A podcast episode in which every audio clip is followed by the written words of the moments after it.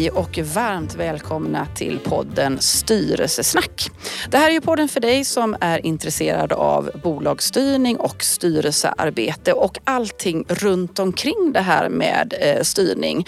Eh, och idag så har jag bjudit in en gammal bekant kan vi väl säga. Varmt välkommen till dig Amer. Tack så mycket. Eh, du och jag har ju faktiskt träffats för länge, länge sedan när ja. du hade entreprenöriella idéer om lite ja, lite nytänkande liksom, ja. så här i affärsidéer. Vågar vi säga hur länge sedan det var? Nej.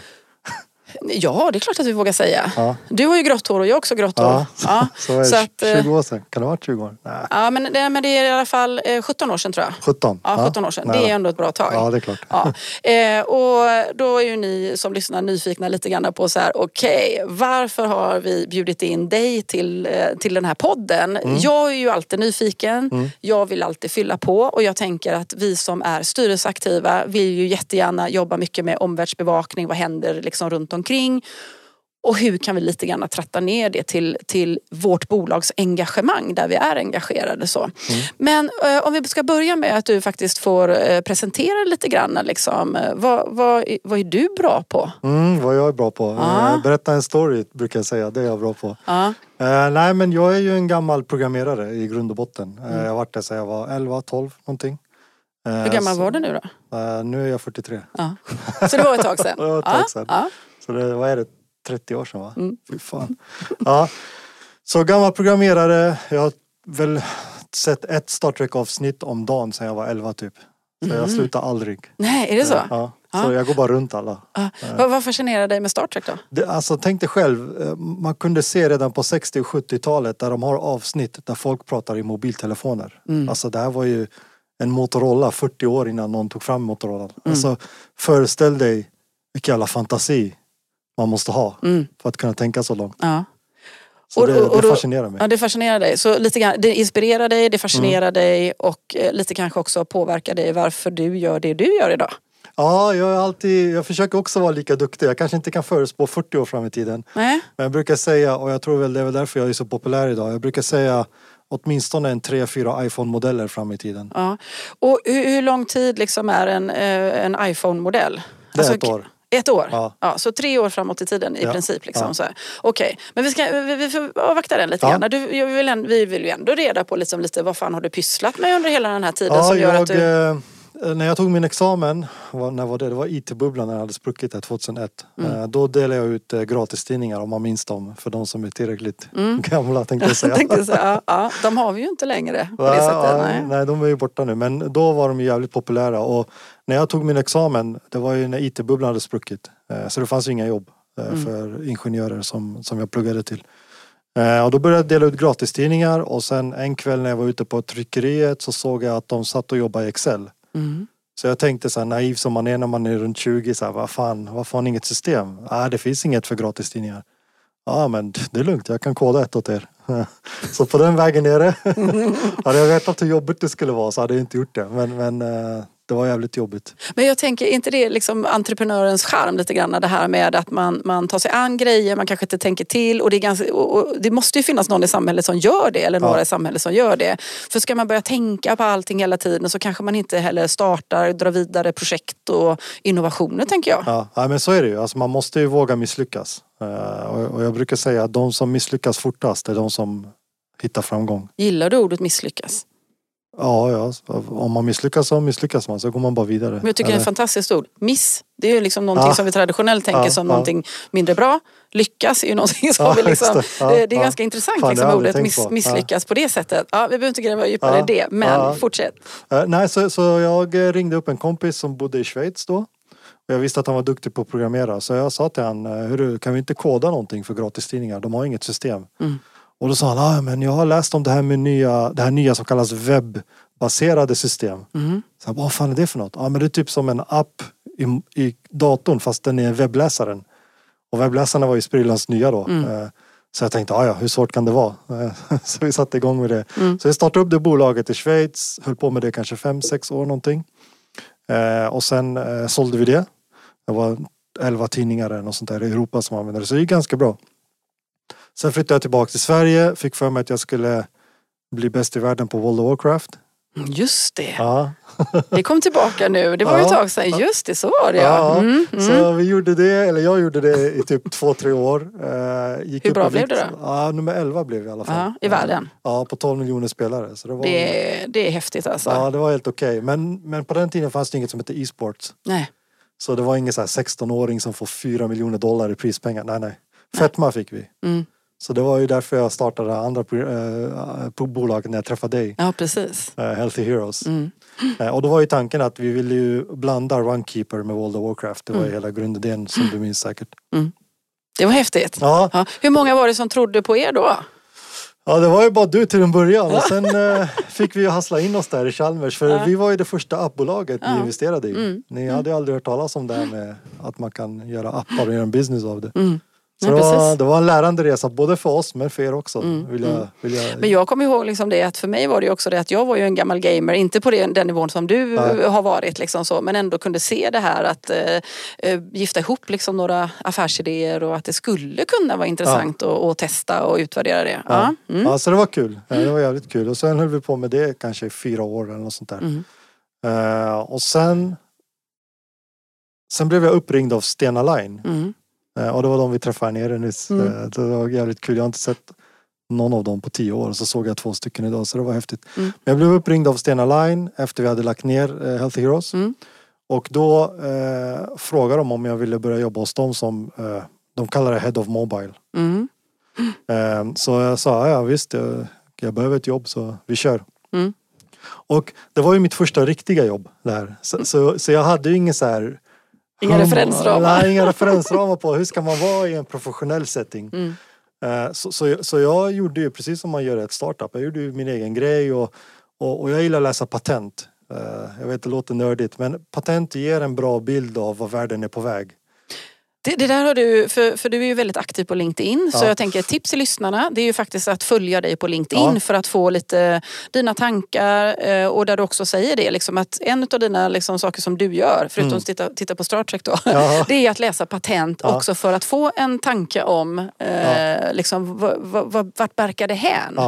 Vilka typer av upplevelser kan vi förvänta oss? Eh, Vilka typer av beteenden kan man förvänta sig Mm. om tre, fyra år? Mm. Och, och de här patenten kommer ju från de här stora techbolagen. Inte Eh. bara va? Gör ja, det, ja, det, det är ju de som sätter agendan för samhället. Ja. Eh, och det där är någonting, jag vet vi kan, kommer säkert komma in på det nu, men vi pratade innan vi började spela in här om, om styrelser och, och, och ledningsgrupper och hur ska de göra för att Mm. hänga med och sånt där. Och jag föreläser ju sjukt mycket idag. Mm. Eh, och jag träffar, ända sedan jag lämnade Coop för ungefär ett och ett halvt år sedan så har jag väl träffat en 150 ledningsgrupper. Mm. Mm. Och det är bolag från, som omsätter 4 miljarder euro till 100 miljoner spänn. Mm. Och, och när jag frågar, det, det absolut viktigaste man kan göra som ledare idag det är att titta på de här eventsen som de här stora techbolagen har. Eh, Apple-eventet, Google-eventet, Amazon-eventet, Tencent, eh, Tesla och så vidare. För oavsett vad vi kan tycka och tänka om saken, de som bestämmer hur samhället kommer se ut om tre år Mm. är inte de här snygga styrelsestrategierna man har tagit fram. Mm. De som bestämmer är de stora techbolagen. Mm. Punkt. Mm. Frågar man bankerna för 15 år sedan, vem är er största konkurrent? Ingen svarade Apple. Nej. Det finns undersökningar, de har gjort analyser. Mm. Ingen svarade Apple. Mm. Och idag drar de sig i håret. De vet inte hur de ska få tillbaka kunderna så Mm. att de kan betala via deras appar. Mm. Så det är skitsamma vad man har skrivit i sin strategi. Mm. De techbolagen sätter agendan för hur du ska agera.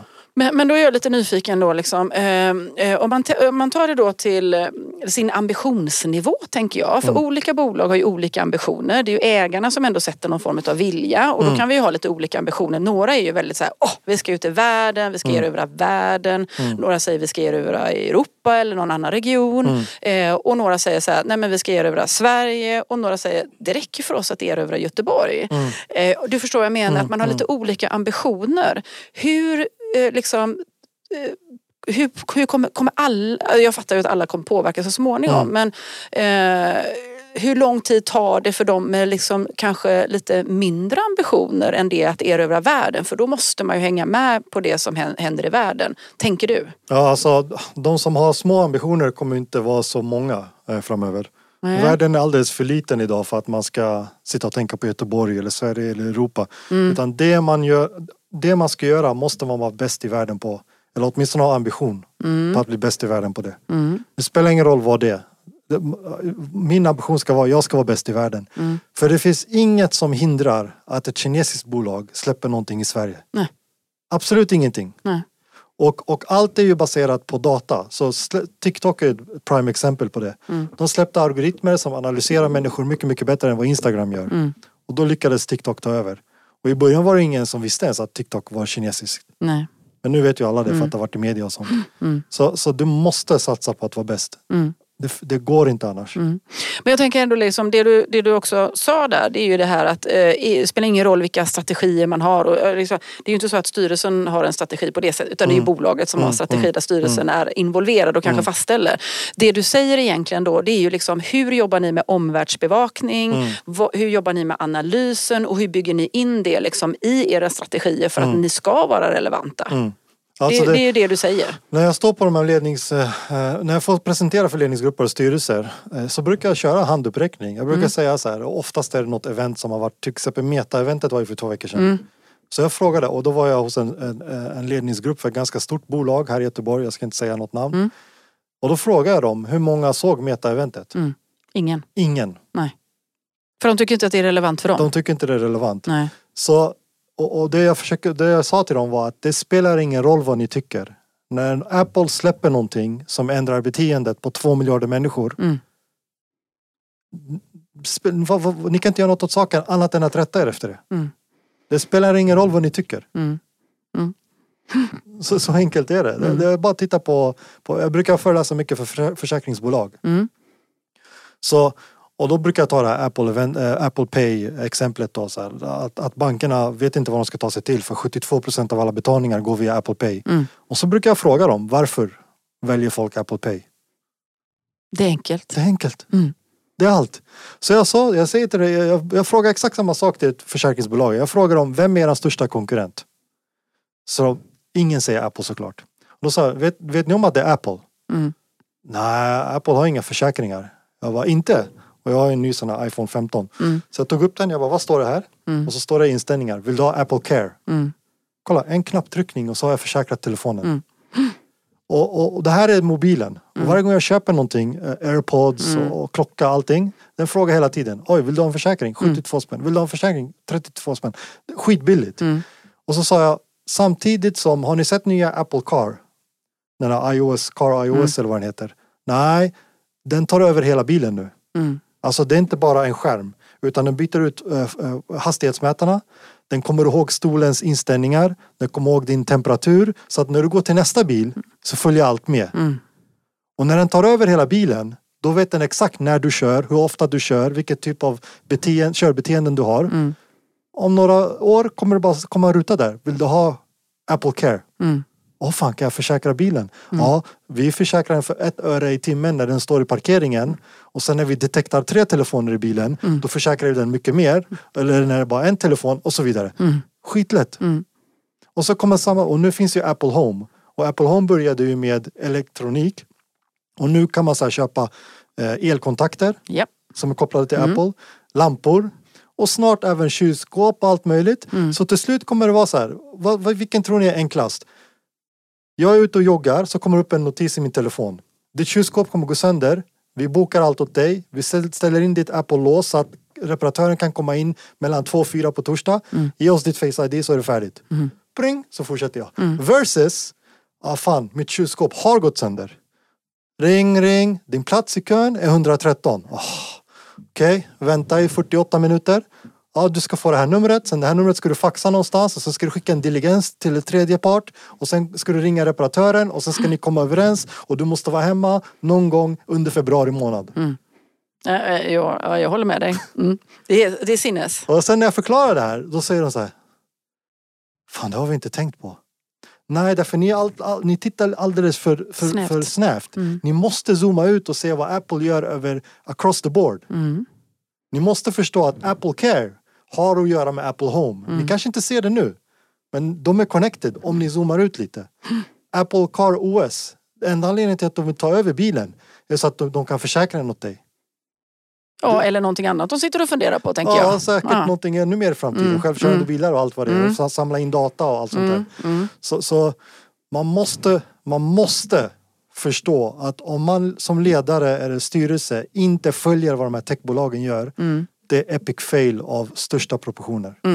Och det gäller ju liksom styrelser, det gäller ju eh, ledningsgrupper, VD, alltså det, Mm. vi som ska då jobba med bolagets framtid och Precis. också sitter på besluten. Mm. På, så. Och då måste vi också ha med oss ägare tänker jag. Mm. Eh, kanske inte då liksom de börsnoterade bolag generellt sett utan om vi tar de här ägarledda bolagen som, om vi nu tittar i Sverige, är en Mm. majoritet av bolagen. Mm. Så det är klart att när ledningsgruppen och styrelsen jobbar fram kanske tankar och idéer om att vi måste göra vissa investeringar. Mm. Men då måste man ju också kunna prata, då måste man ju prata med ägare och ägare måste förstå den här bilden. Mm. Så att i mitt huvud så är det ju viktigt då att ägare, styrelse, vd, ledning Mm. och kanske till och med chefer på nästa nivå beroende på storlek på bolag Mm. behöver ju vara, ha en insikt om eh, vad det är som händer. Mm. Och att inte det också, jag, jag bara tänker det här med eh, att man skickar en.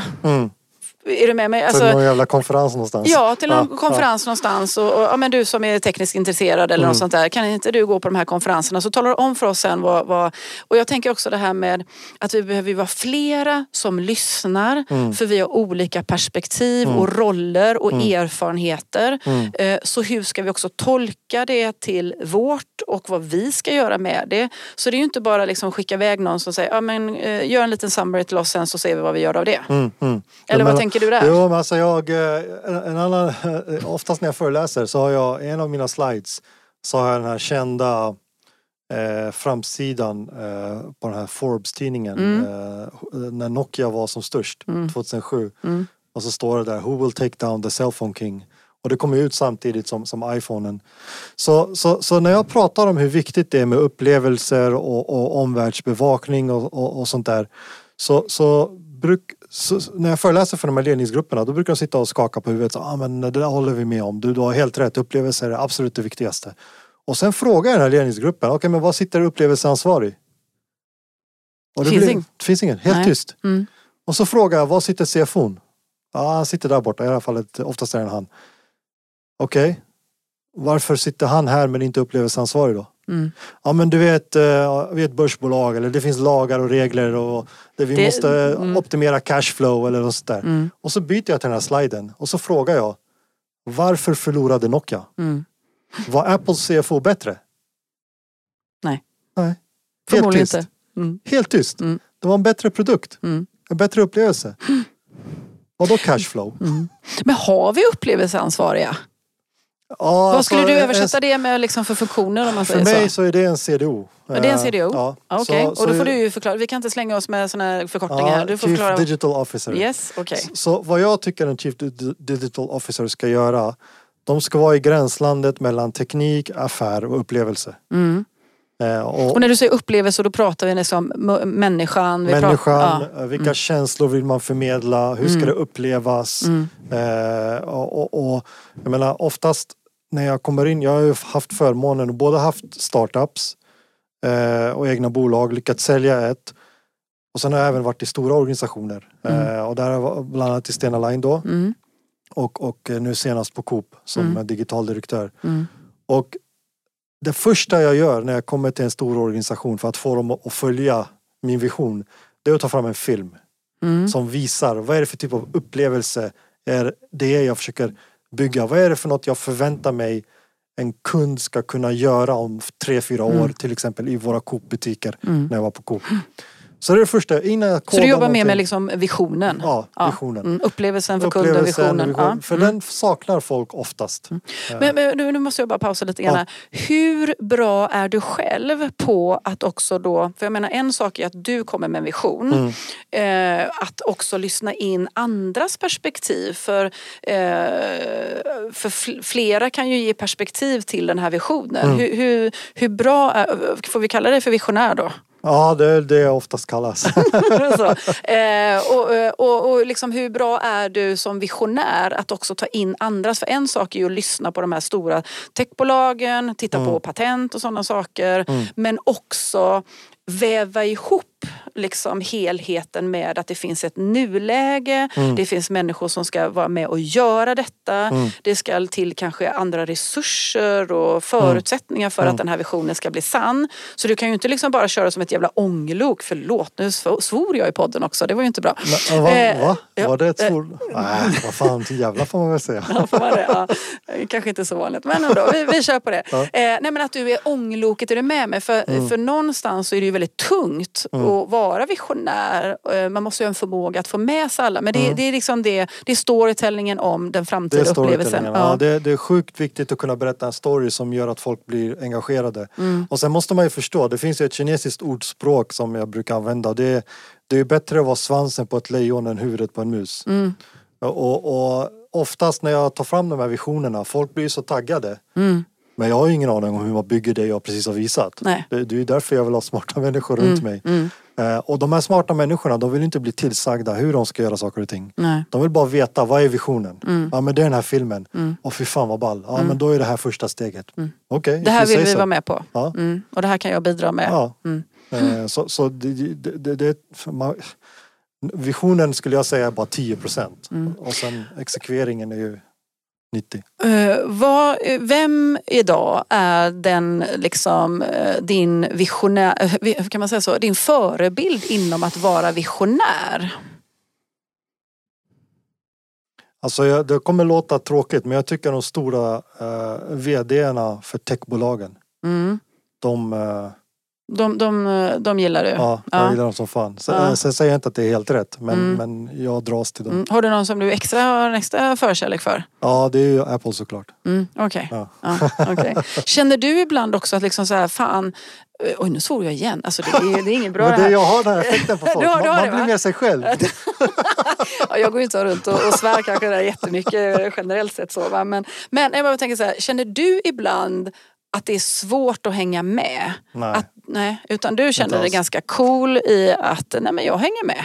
Ja, ja, jag, jag till och med, ar- arrogant som jag är så tycker jag att jag ligger till och med före dem Mm. i, i, i, i tankarna. Men det är ju för att de visar ju inte allt. Menar, Nej. sin, sin försäkringsstrategi kommer de inte visa Nej. offentligt utan det är bara något som smyger på en. Mm.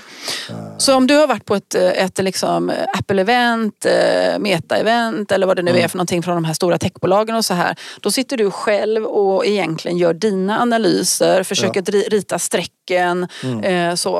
Eh, men eh, kommer vi att kunna ersätta dig med AI sen eller? Din, Ja, eh, din hjärna och din Ja. förmåga liksom att eh, visionera. Man kommer kunna ersätta mycket med AI tror jag. Ja. Mycket, Så, mycket, så, mycket. så du är bara relevant en liten stund till eller? Ja, det är därför jag får rida på den här vågen så långt det går. Men det gäller att vara observant. Till exempel senast på det här, nu pratar jag mycket om Apple men det är för att jag gillar vad Apple gör. Men det är säkert eh, det är relevant för många andra techbolag också. Men tittar man på Apple-eventet nu senast så hade de ju en liten, liten grej i slutet på det eventet. Så det var typ så en och en halv minut så nämnde de det bara. Och då pratar de om det här med att man kan spela in spatial video. Mm. Så att du använder två linser när du spelar in, höger och vänster. Mm. Och då kan du få en video som känns som 3D. Mm. Eh, och, och då blir ju så här, ingen reagerar. De nämnde det här, 90 sekunder i slutet. I förbifarten I liksom förbifarten. lite. Mm. Eh, precis som du gjorde med Apple Pay när de lanserade Apple Pay för 13 år sedan. Eh, men zoomar man ut lite och tittar på vad de också gör till exempel med Apple Vision. Mm. Jag menar Apple Vision idag, de här äh, glasögonen som de har. De ser ut som uh, sådana här stora hjälmar. Och, och det vet de ju om. Men om tre, fyra år kommer de se ut som våra glasögon som vi har på oss. Och hur ska man då få min mormor eller min mamma att köpa de här glasögonen? Mm. Med känslor. För att hon kommer ha spelat in en massa spatial videos i tre, fyra år. Hon vet inte om det. Nej. Hon bara spelar, ja men kolla mitt barnbarn spelar in. Mm. Och sen kommer argumentet vara från Apple, inte att det här är glasögon med 50 000 hertz. Vad fan betyder det? Nej. Men här, du kan se dina barnbarn i 3D. Mm. Det, vilken upplevelse är inte det? Det där är ju, man spelar ju på känslor. Mm. Så sådana här små prickar måste man kunna se liksom. De gör lite där, lite där. Okej, zooma ut, koppla ihop det. Ah, det är så de kommer sälja de här glasögonen. Mm.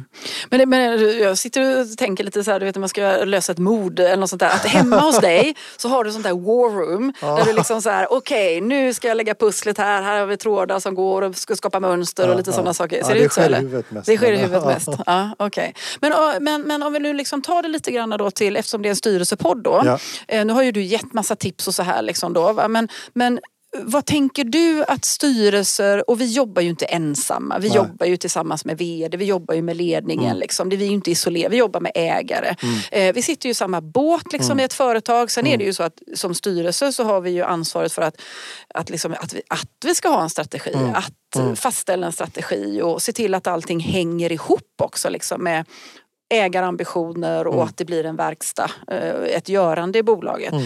Vad skulle du liksom då ge för eh, råd till oss som jobbar styrelseaktivt? Mm. Uh, det jag brukar säga är så här, man måste vara jävligt tydlig med sitt mission. Mm. Alltså vad är vårt uppdrag? Varför finns vi på den här planeten? Mm. Och helst en one-liner eller två, mm. inte 16 A4-sidor för då, är man inte, då vet man inte själv. Utan något som typ Googles Organizing the World's Information eh, och, och den typen av tydliga budskap. Det här är varför. Mm. Och det ska alla känna till också? Alla måste veta. Mm. alla du, och, på bolaget och runt bolaget? Runt bolaget och... och, jag menar, det finns ju den här kända storyn med, med Barack Obama som besökte NASA en gång. Mm. Och, och gick ner för korridoren i NASA. Eh, och så såg han en vaktmästare stå, stå och sopa golvet och, och eftersom han var mörkhyad så du vet Obama är ju cool. Han gick ju fram och sa ah, tjena brother, bla bla. What do you do here? Och hans svar var ju inte jag är janitor eller Nej. jag sopar golven. Utan hans svar var I put people on the moon. Mm. Coolt. Det, det, är NASAs mission. Mm. Och alla måste veta det. Från, eh, från vaktmästaren ända upp till vdn. Mm. Så det där är, och det är skrämmande få bolag som vet vad deras mission är. Alltså mm. jag blir mörkrädd. Men det finns ju, vad, vad, säger du till dem då som, nu, nu kanske jag avbryter i din ja, röda nej, tråd, men vad nej. säger du till dem då som säger så här, vi tror inte på det. Jag möter ju människor som säger så här, varför ska vi ha massa, jag arbetar med att ta fram vision, mission mm, och mm. affärsidéer och sådana här saker. Liksom. Det finns ju de som är icke-troende. Mm. Eh, vad säger du till dem som säger så här, nej men det där är inte viktigt, vi har ju lyckats liksom här i, mm. i eh, 20 år, 30 eh, år och mm. det går ganska bra för oss och mm. eh, vi har inte behövt någon mission liksom. Vad säger du till dem? Ja, lycka till. Ja. Alltså, det är okay. väl bra att kunna mjölka samhället eh, så länge det håller. du tänker så. Ja. ja nej, så, så ja. Men, men, det kanske inte går att fortsätta så, det är nej, ju det du säger. Precis, mm. för att det som har hänt nu och jag ska ge dig den, jag ska pinpointa den exakta anledningen till varför mm. det inte går att fortsätta så. När många av de här bolagen, när de startade, då tog det ungefär i snitt 15 till 20 år för samhället att förändras. Mm. Det var inte som nu. Nu så förändras samhället i princip varje 18 till 24 månader. Mm. Och när samhället ändras vartannat år då kan man ta strategier som är tänkta att hålla fem år. Nej. Det säger sig självt. Mm. Det funkade på 80-talet och det är mm. därför de här bolagen, men de här bolagen kommer att försvinna de kommande tio åren. För att nu förändras samhället så fort så, så det går inte längre. Men jag tänker så här då, om man liksom, vision kan man ju ha för den kan ju hålla över lite längre tid, ja. tänker jag. Och gärna också vårt varför. Äh, inte vision, äh, Nej, jag, jag vet, ja men om jag ställer det i kontexten okay. då. Ja. Liksom, det här är våran vision, det är liksom lite, grann, lite längre bort. Ja. Eh, sen kan ju den uppnås mycket snabbare om mm. den är lite lägre ställd om man säger så. Mm. Men man ska, det är en ledstjärna, mm. säger vi då. Mm. Eh, och sen så ska vi liksom jobba med missionen. Mm. Och sen om vi liksom då pratar om strategier mm. eh, som man måste bygga bygga på mission och mm. vision. Liksom, mm. så. Eh, man skulle ju kunna försöka jobba med en längre tidshorisont för vissa saker är ju faktiskt längre i investeringar. Mm. Däremot så tänker jag så att återbesöka den mycket, mycket ofta, oftare och ha ett mm. arbete kring det. Mm. Ifrågasätta den. Där, där tänker jag att tempot är annorlunda. Ja.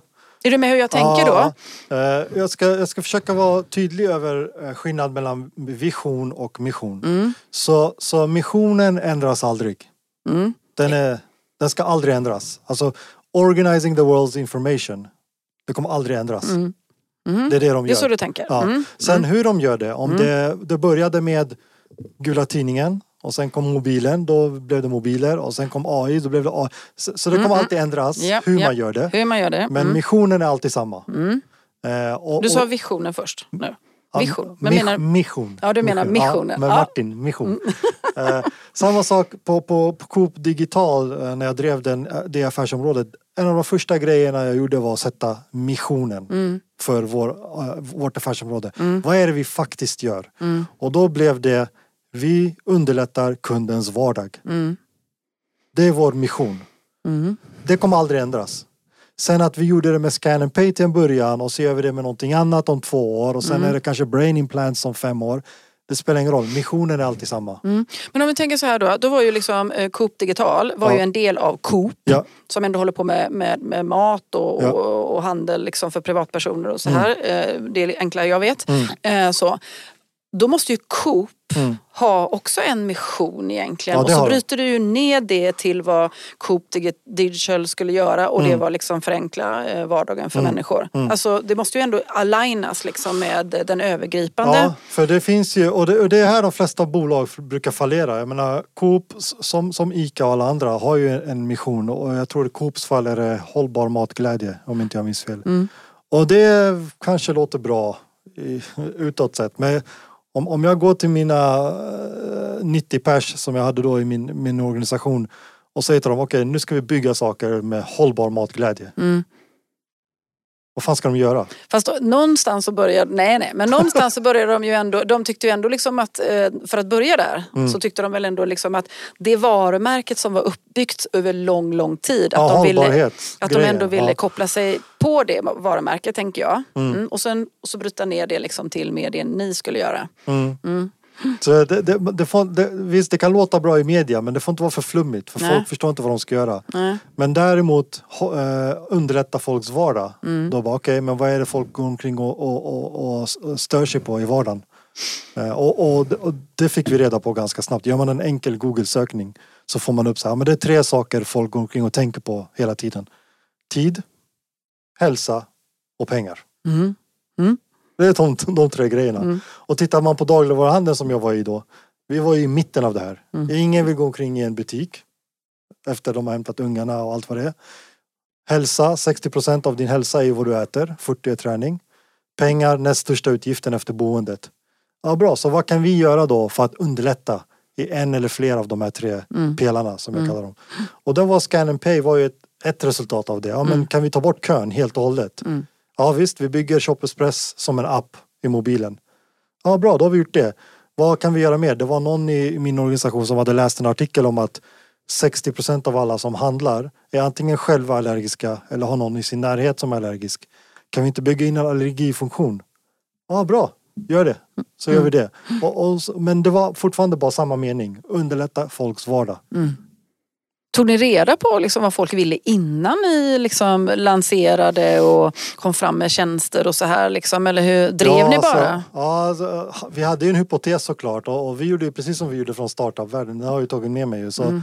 Scan and Pay till exempel, första versionen kom ut efter tre veckor Mm. Som en Eh, test? som ett test. Så Mm. vi hackade ihop den och sen när vi skulle koppla det till ekonomisystemen då sa de att det skulle ta åtta månader och jag tänkte vadå åtta månader, skit i det. Så, så vi satt på nätterna och förde över alla kvitton till ekonomisystemen manuellt. För att vi vill inte spendera åtta månader och säkert en fyra fem miljoner på att integrera mot något om vi inte visste folk ville ha det. Nej. Ehm, så ibland, man får göra sådana fulhack ibland. Men ingen skada skedde. Mm, mm, mm. Okej. Ja. Har du några andra sådana här exempel liksom från det som du har varit med och gjort och det som du kanske har hört andra varit med och gjort som du tycker är framgångsrikt när det gäller liksom att vara på, eh, på fötterna och vara i framkant och eh, också liksom som vi kan inspireras av då när vi liksom jobbar med det vi gör? Jag tror att det, det är en av grejerna som jag har pratat mycket om också det senaste året. Det är den här stora IT-attacken som, som vi hade mot Coop 2021 om du minns den. Mm? Yes, I do. Eh, och och eh, där brukar folk fråga mig hur kommer det sig att Scan Pay inte gick ner under Mm. den här attacken. Eh, och, då sa jag, för, för jag var i många paneler efter det och det var ju mycket så här, ja men kolla det här visar ju hur sårbart samhället är. Mm. Och jag kan säga så här. Enda anledningen till att vi inte åkte ner var ju för att man måste förstå att de som attackerar dig gör ju inte det med fem år gammal teknik. Utan Nej. de gör ju det med fem timmar gammal teknik. Mm. Och vår eh, plattform, Scan Pay-plattform, var lika ny som Mm. den som attackerade oss. Och då hände ingenting. Så, så, och, och fem år, då är jag snäll. De Mm. flesta bolagen har minst 15 år gammal infrastruktur. Mm. Och, och, och att bara ha fem år gammal infrastruktur, fem år. Det är som att, köra, det är som att frontalkrocka med en bil från 60-talet mot en sprillans ny Volvo från 2023. Du kan Det är en ju, bra liknelse. du kan ju föreställa dig vad som kommer hända. mm. Men, men, men kan du förstå liksom ändå varför det ser ut som det gör i våra bolag idag? Alltså, ja, ja, man har du- ingen tillit Nej. till folk. Nej. Det är därför. Mm. Alla bolag, alla ledare, alla organisationer. Utgångsläget är du har ingen tillit tills du har gjort dig förtjänt av den. Du menar människor som vi har runt omkring Ja. oss? Okej. Så att du vill inte ge eh, förtroende till någon, du vill Nej. inte ge ansvar till någon för du tror inte att de ska kunna liksom ans- ja, ha, ha Man vill att alla beslut ska gå igenom något forum någonstans och det ska diskuteras i åtta månader och det ska finnas konsensus på ett papper så att om det skiter sig sen så kan man peka på det pappret och säga nej men Mm. vi var överens om det här. Och man vill inte ta eget ansvar och så vidare. Men, men om vi då liksom ska göra styrelser lite kloka då, för, Ja. för det här är ju min hjärtefråga. Ja. Det vill säga, hur kan man både jobba med att eh, liksom förfina, effektivisera den befintliga affären Mm. samtidigt som vi hela tiden jobbar på den framtida affärsmodellen, den framtida tjänsteprodukter, Mm, betalningssätt eller vad det nu är för någonting. Eh, där vi traditionellt sett liksom då dels att ägare sätter mål på styrelse Mm. eh, och utvärderar styrelse på resultaten som är väldigt mycket i den befintliga affären. Mm. Ofta ska jag säga. Styrelse gör ju i sin tur i princip ganska mycket så Mm. När man ska jobba med eh, utveckling och målsättning och driv i den, eh, den liksom operationella eh, organisationen. Mm. Och då brukar jag liksom ställa också, jag är också lite provocerande Mm, kanske, inte lika, inte lika provocerande som du är Omer. Men just det här liksom, men hur tror ni att ni ska få till någonting annat när ni bara fokuserar Mm. eller mycket fokuserar och driver och mäter och målsätter Mm, och sätter incitament på det som är den befintliga affärsmodellen. Och jag har svårt att få gehör. Mm. Det, finns ju, det finns en metodik som kallas Explore Exploit. Om du, Mm. Ja, men, men det är ju den jag säkert. jobbar med. Ja. Ja. Så, så, så där, är det ju många, alltså det är sällan man träffar på en styrelse som är i exploit, eh, explore-läge.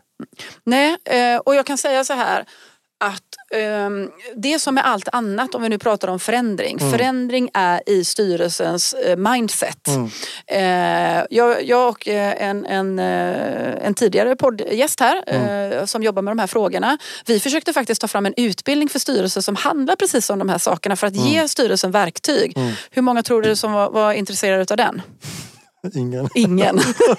så vi var före vår tid förmodligen då. Va? Ja, Eh, och sedan så sa vi så här, vi bjuder på den utbildningen. Vi, så, och så var det ju jättemånga som räckte upp handen för de tyckte att det lät spännande. Va? Ja, ja. Det är de här liksom första som, som går det så här. Och, då, och så frågade vi dem sen, liksom så här, vad var det ni just nu var, var med om? Eh, kan ni förklara det? För vi får förmodligen inte förklarat det på rätt sätt. Och så hjälpte de lite, oss lite grann och kanske fick en ny rubrik och lite så här då. Men ändå så lyckades vi inte eh, attrahera eh, därför att man kanske inte tänker att det är styrelsens uppgift att jobba med de här frågorna utan man tänker att det är ledningsgruppens uppgift eller ledningens uppgift att jobba med de här frågorna. Och i, mitt, i liksom min mindset är det ju det är ett ledarskap. Le, vi jobbar och styr och leder, eh, liksom, vi är ju förutsättningar för organisationen. Om inte vi fattar mekanismerna i det som är explore exploit, liksom. om inte vi jobbar med styrning eh, och gör både och. För jag säger att det är inte antingen eller. Nej, nej, vi ska jobba med göra både båda. och.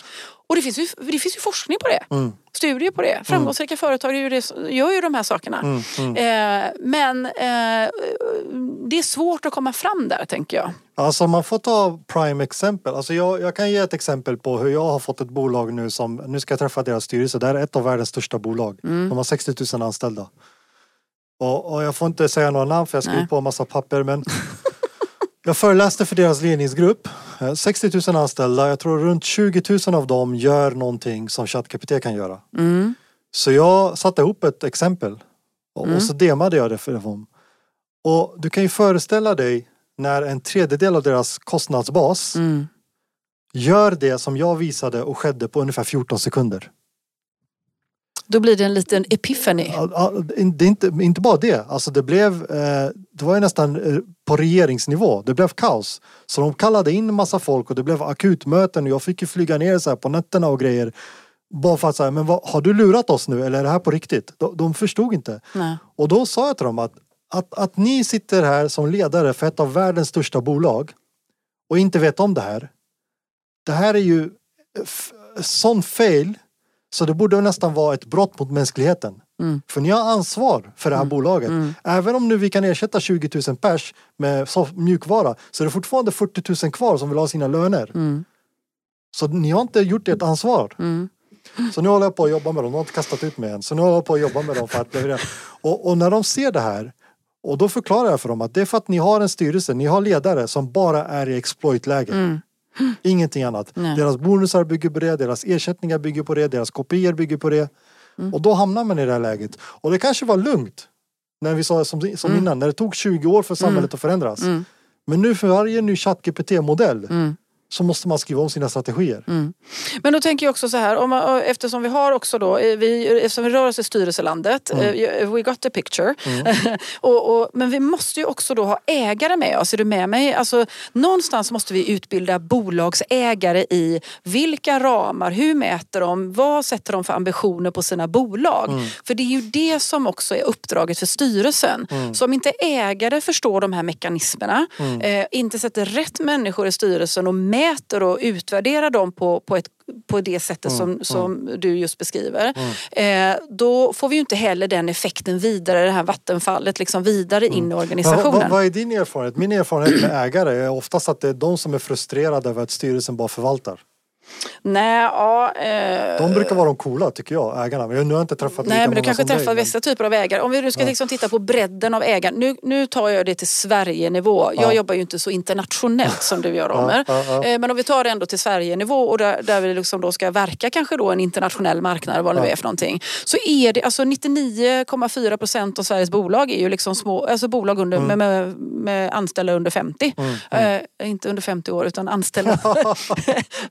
Antal anställda under 50, så Ja. skulle det vara. Så Ja. Annars så blir det syftningsfel. Eh, så, så att det är ju det som är marknaden. Sen har vi antalet anställda i Sverige är ju i de större bolagen. Så Mm. att det är så balansen ser ut. Eh, och då kan man tänka sig liksom att de här bolagen eh, där ägare själva kanske är väldigt operationella.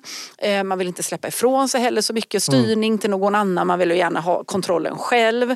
Så det är ju de här som eh, inser att vi har slagit, slått i taket med vår egen kompetens, med vad vi har i bolaget. Så nu kanske vi behöver en styrelse med andra kompetenser. Kanske har gjort en resa, men sån som du till exempel. Eller jag eller någon annan som har gjort en resa som de gärna vill ja, eh, ha med sig in så att de inte gör misstagen, snabbare kommer fram alla de här grejerna. Men de är kanske inte jättemånga, de är inte på bredden. Eh, så, så att eh, ja, det är klart att du möter eh, styr, eller ägare som säger, men vet du vad, då tänker jag så här, när en ägare säger så här, de här styrelsemänniskorna här, vad fan håller de på med? Ja, titta lite på dig själv då, för det är du och ni som ägare som äger frågan vem ni sätter i styrelsen och hur ni kravställer styrelserna och utvärderar dem. Så att eh, liksom, eh, ja det kan du ju konstatera men du kan ju peka lika mycket på dig själv och din egen, liksom, ditt eget ansvar i att vilka är det du då sätter in där i styrelsen. Eh, så, så det kan de ju tycka. Men jag tror att de allra flesta eh, uppskattar liksom, om man får en bra eh, sammansättning i styrelsen att att de tillför.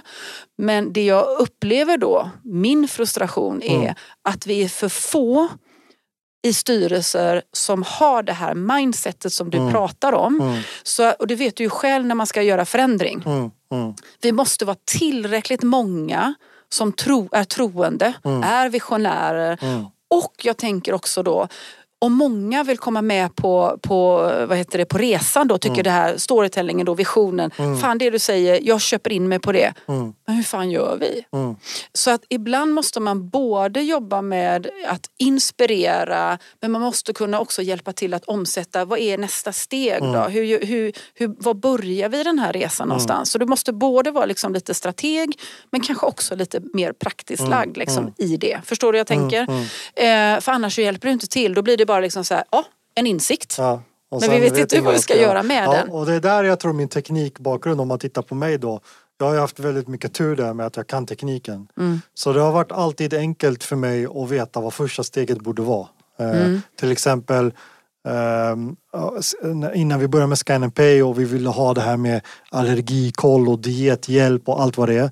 Då förstod jag ju att okej, okay, men då måste en sån infrastruktur som har med medlemsdata att göra måste vara top notch. Mm. Annars går det inte. Nej. Dels måste det vara vektordatabas. Jag vill inte gå in på vad det är för något. men det är snabbare än en relationsdatabas. Mm. Så det, sånt där vet jag ju för att jag kan teknik. Eh, och sen förstod jag ju också att GDPR kommer bli ett issue när vi har massa hälsodata och sånt där. Mm. Så då måste vi ha inställningar och då behövs det den här typen av plattform. Så då kunde jag ta de här diskussionerna. Men jag vet inte hur man gör. Jag har mm. ingen aning om hur man bygger en vektordatabas. Jag Nej. vet bara att det är det som man använder för det här ändamålet. Mm. Eh, så, så, och med det sagt så antingen hittar man en person som har båda. Eller så ska man ha då den som kan upplevelser och den som kan teknik och, det, och alla måste vara på samma eh, höga nivå i, mm. i, bolaget. För det signalerar någonting till resten av organisationen. Mm. När man har någon som som jobbar som testare och så skickar man iväg dem till Las Vegas en vecka så kommer de tillbaka och visar 11 slides.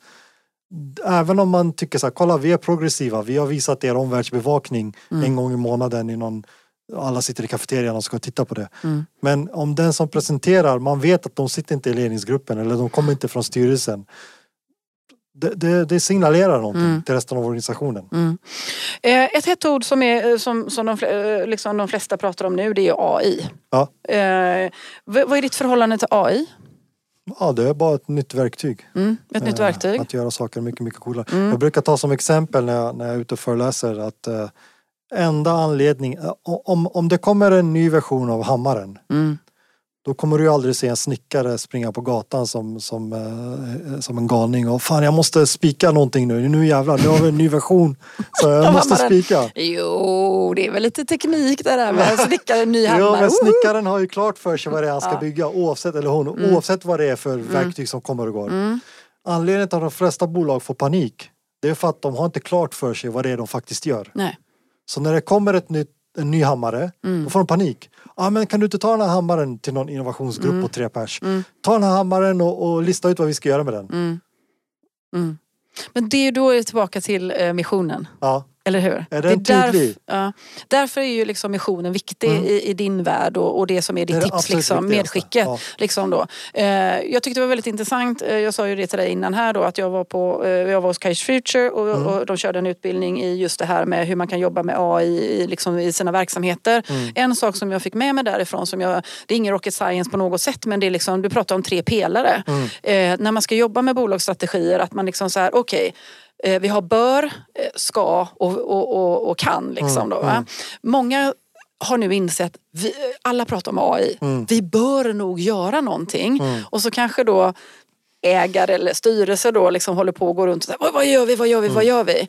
Ja men vi vet ju fortfarande inte vad vi vill göra med det mm. Eh, för det är för otydligt för oss än så länge så mm. därför så kan, kan, vi inte göra någonting och vi vet inte vilka resurser vi behöver eller mm. vilka resurser vi har för att vi mm. ska uppnå det där som vi vill. Mm. Jag tyckte det var en ganska bra eh, liksom, modell, metodik i sitt huvud för att förklara varför alla liksom just nu, alla är bör-stadiet, alla är bör-pelan. Mm. Men kan inte, alltså generellt sett. Mm. Sen finns det de som är långt, långt, långt, långt mm. framme såklart.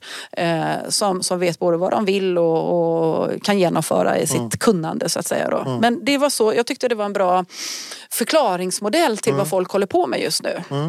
Ja, men jag ska ge dig exempel på hur jag brukar göra när jag implementerar generativ AI. Mm. Jag har gjort det nu i tre olika Men du kan, och då får du liksom förklara för folk vad du menar med generativ AI. Ja, generativ AI är bara en ny form av AI som eh, kan förstå inte bara strukturerad data, det vill säga data i tabeller och sånt där, utan all form av data. Eh, mm. Tabeller, bilder, text, film, pdfs, allting. Mm. Ostrukturerad data. Ja, ostrukturerad mm. data. Så den är, den är duktig på att förstå det. Eh, och vad jag gör, eh, i tre fall har jag gjort det, nu håller jag på med ett fjärde case. Så ett bolag har alltid en kundvärdekedja. Mm. Och sen kan man ha flera såklart. Men, och, vad är en kundvärdekedja? Och vi tar ett enkelt exempel. Inom spelbranschen så ser kundvärdekedjan ut så här. Man letar upp ett spel. Man köper spelet. Sen spelar man spelet. Traditionellt sett, det är så det funkar. Atari, Sega, Nintendo, alla de här. Mm. Fan vad gammal man låter när man säger just de namnen. Men, men hur som helst. Mm. Sen kommer det en massa uppstickare. eh, Rovio, Supercell, alla de här. Och det folk brukar säga är så här, ja, men de disruptade eh, gamingindustrin för att de la ett spel i mobiler. Mm. Och då blir jag så här, okej okay, men ni tror inte Microsoft eller Sega vet om att det finns mobiler? Och Microsoft har ju säkert fler utvecklare än alla andra kombinerat. Så det är inte tekniken. Nej. Utan de tittade på den här kundvärdekedjan. Okej, hur ser den ut idag? Okej, först letar man upp ett spel. Ja, det måste man väl göra, det är inget vi kan göra åt. Sen köper man spelet och sen spelar man spelet. Och de tittar på det här och så sa de hmm, det här med köpa, det är, en stor, eh, det är ett stort hinder Mm. att faktiskt punga ut pengar. Så vad händer om vi byter plats på köpa och spela?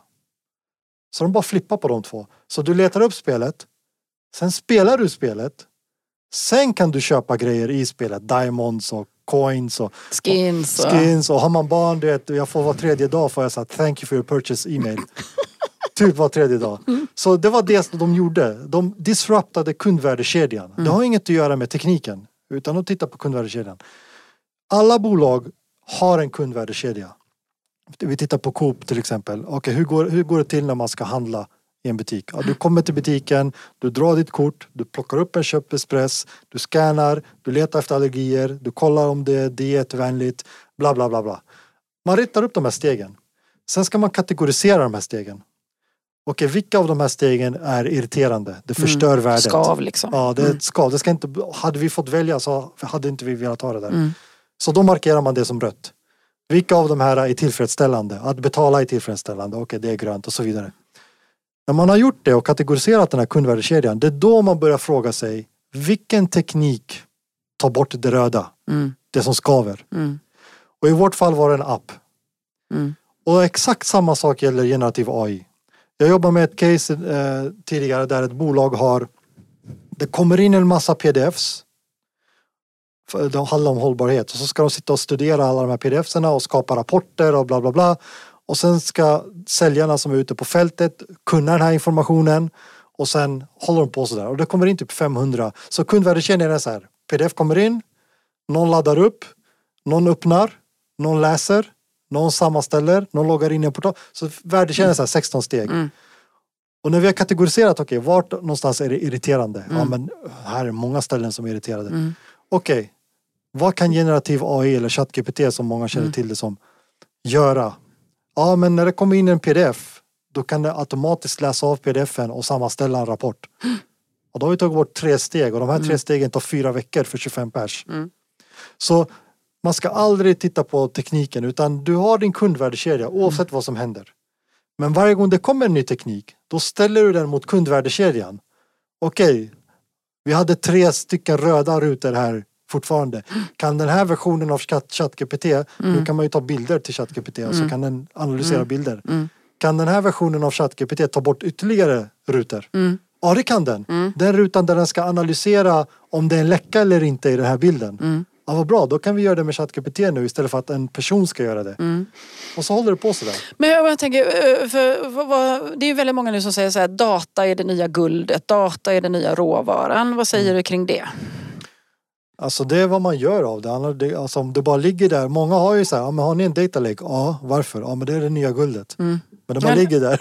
Ja, men det är därför jag vill höra din åsikt. Ja. Och det måste göra någonting med det, annars är det inte värt någonting. Nej, okej. Så är, är det någonting, om man nu har en datalake, liksom, är det någonting att fundera över? Liksom, vad ska vi, vad, vad, och kvaliteten tänker jag också på det. Ja. Liksom, och, Ja, nu är det ju tacksamt med ChatGPT eller uh, generativ AI-modeller. De behöver ju ingen kvalitet om man säger så. Nej. Eh, den kan eh, använda ostrukturerad data ganska enkelt. ja, Ehm, så, så det resulterar ju i de här casen jag pratar om nu. Jag, nu bygger jag ju sådana här custom co-pilots. mm, Copilot-konceptet, jag vet inte om mm, man känner yes, till yes. det. Ja. men det känner inte alla till. Det får du, kan du snabbt bara Men, men förklara? det, det är typ en intern ChatGPT som man har för sitt eget bolag. Mm, Så eh, du kan till exempel, det, det, i ett case så är det eh, folk, eh, i ett case så är det, eh, de har så här en portal de ska logga in i och sen ska de sammanställa en rapport. Så det, det, de kallar det PM. Mm.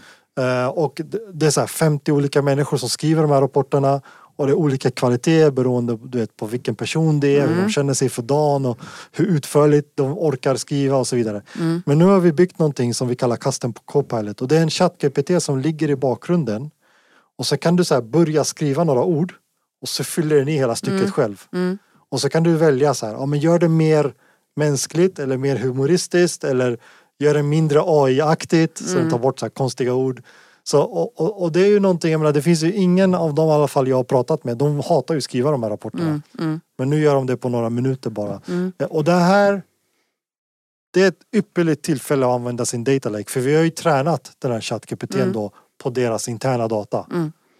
Men, men då tänker jag också det, eh, eh, den kan ju hantera ostrukturerad data Mm. men, men, och du säger så här, liksom, den bryr sig inte om kvaliteten på data. Men om vi säger så här att om vi ska leta efter många datapunkter Ja. och vi pumpar ut massa falsk data.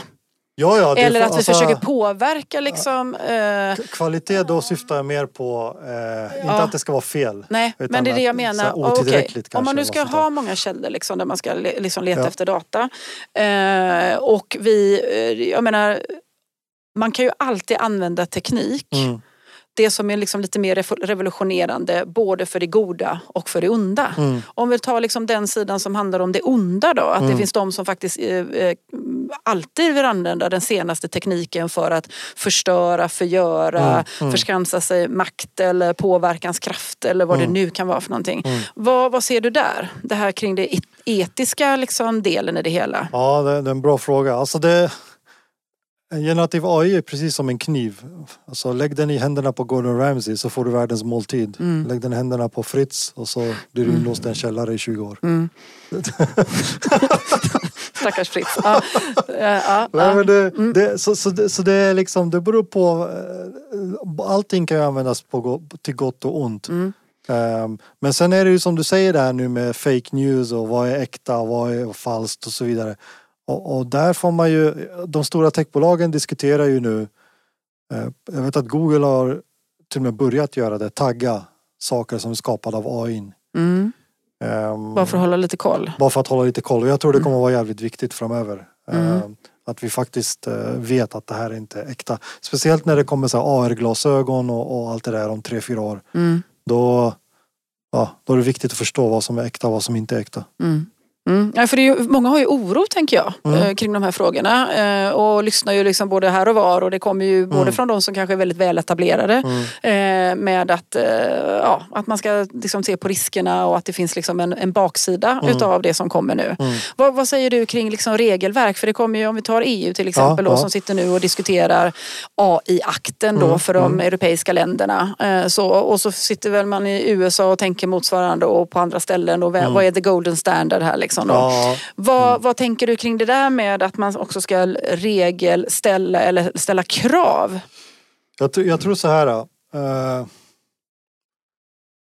visst, man kan sätta regler och sånt där. Jag tycker, alltså personligen så tycker jag EU-reglerna är jävligt bra. Mm. De är jävligt bra. Har du hängt med liksom i debatten? Och, Ja, ja. och jag har till och med, eh, inte så mycket debatten, men kanske lösningen är jag mer Mm. intresserad av. Ja, men Den- ändå liksom hur det har gått och hur det har mottagits och vad Ja. folk tycker och tänker ja, som är... Ja, jag tror folk, eh, det är så blandat. Eh, Folk tycker, vissa tycker att det är hämmande för att de, de här reglerna gäller ju till exempel inte USA eller Nej, Indien nej, eller Kina. nej. Så det kan jag förstå. Samtidigt så har man i alla fall satt ramverket för vad vi får göra i EU. Till Mm. exempel att varje land ska ha en egen sandlåda Mm. där man kan testa saker. Det, Mm. tycker jag, det tyckte jag var skitsmart. Ehm, sen är det ju så att de andra aktörerna på, på, på marknaden kommer ju inte följa det här såklart. Uh, och då blir det ju så här, okej men vad händer då? Kommer USA och Kina springa förbi oss och sånt där? Jag Du tänker en att maktobalans Det- liksom det och, det och bli. en konkurrensobalans. det kommer det säkert garanterat bli. Och tyvärr, får jag nästan understryka, så kommer det också bli så att vi kommer, precis som när vi upptäckte hur man klyver atomen, Mm. så bombar vi oss själva. Och så gick alla länder ihop och sa nej det här borde vi inte göra igen. Tyvärr så tror jag att någonting sånt kommer hända. Mm. Att vi kommer skada mänskligheten ganska rejält innan vi alla går ihop och säger okej det här är EU-act, nu kallar vi det World AI Act. Mm. Precis. Det tyvärr. Det ska till någonting. Det ska till eh, någonting. Vi måste bränna oss innan vi fattar att det är farligt. Mm. Men här, alltså jag tänker bara så här, har vi fan inte bränt oss tillräckligt historiskt eh, för, för att liksom man kan ju fatta den tycka grejen? Det, men jag menar, nu har vi ju startat ett nytt världskrig Mm. innan de som överlevde det förra ens Mm. har dött ut. Så Mm. Vi verkar inte särskilt... Mycket smartare. Det finns ju de som säger också det att det här med AI eh, och det här liksom att vi ska underlätta väldigt mycket. Liksom så, att den kommer, det också kommer att eh, göra att vi blir dummare. Vad säger du kring det? Ah, det, alltså, tittar man statistiskt sett så, så blir vi ju smartare hela tiden. Så jag vet inte varifrån det kommer. Jag vet att samma... Nej, men just det här att man får ta så mycket hjälp av verktyg. Liksom. Om, du ska, om du säger så här, du ska skriva Ja. liksom en artikel till exempel och så Ja. frågar du ChatGPT, vi bara tar det som ett exempel. Eh, och, och så låter du liksom, eh, du får ut ett utkast kan man säga. Sen Mm. så liksom lägger du till det sista. Alltså vad gör det med oss människor när vi inte liksom också är med den, eh, liksom på, från början i den kreativa processen? Kommer Mm. vi bli dummare eller är det någonting annat som kommer ta plats? Liksom? Ja, jag tror inte det. Jag tror att vi kommer mer kunna tänka filosofiskt. Alltså mer, vi kan, vi, the bigger picture kommer vara någonting vi kommer kunna fundera Träna. på mycket mer. Så ge utrymme till att träna på liksom de, de, de stora penseldragen liksom, Ja. snarare än eh, detaljerna. Ja, så, jag menar, skulle jag skriva artikeln själv då kanske jag måste komma ihåg vissa årtal och vissa siffror och så ska jag researcha det. Ah, Om någon kan göra det utkastat åt mig så kan jag istället fundera på vad gör det här i det stora hela. Så mer analysarbetet och, Ja. och de här delarna. För, för jag vet att man hade ju samma argument när man började skriva ner saker i böcker. Mm. Det var ju samma sak då. Aha, ska vi ha allting i böcker nu och så kommer vi glömma bort allting. Mm. Och det visade sig att det stämde inte alls. Nej. Så. Du, eh, man, det går ju fort när man har roligt, Ja. eh, eller hur? Så vi Ja. kan ju prata hur länge som helst. Eh, Jag hoppas att lyssnarna har uppskattat det. Om du bara skulle ge liksom någon, någon sista ja, vad ska man säga, tips eller Ja. råd eller medskick till oss som jobbar i och kring styrelser. Vad skulle det då vara? Det skulle vara eh, nummer ett, att man måste följa vad de här stora techbolagen gör. Och sen nummer två, mitt tips är att jag använder en app som heter Flipboard. Eh, och vad den appen gör det är att man väljer en massa ämnen, typ biologi, psykologi, ledarskap, computer science och så vidare. Och så scoutar den hela internet och sätter upp en tidning åt dig med massa artiklar om just de ämnena. Är den Eh, gratis? Ja, den är gratis. Och så läser jag det varje dag. Det tar ungefär två timmar att läsa varje dag. Men Alla som har mobiler kan ladda ner den appen. ja, En Flipboard. Flipboard. Mm, Ja. ja. Och så ska vi bevaka eh, patent. Ja, för de, de, får- de hänger med där. Ja, de hänger, de Ja, hänger med där. ja. Okej, och sen ska vi kolla på lite Star Trek också. Ja, det tycker jag man ska göra. Ja, men stort tack för att du tog dig tiden att komma hit. Vi har ju försökt att få ihop det här några gånger. Liksom. Ja. Men, men nu lyckades vi. Så kanske vi ser om vi får komma tillbaka. Vem vet? Eh, och så får vi säga tack till alla lyssnare och eh, på återhörande helt enkelt. Hej då!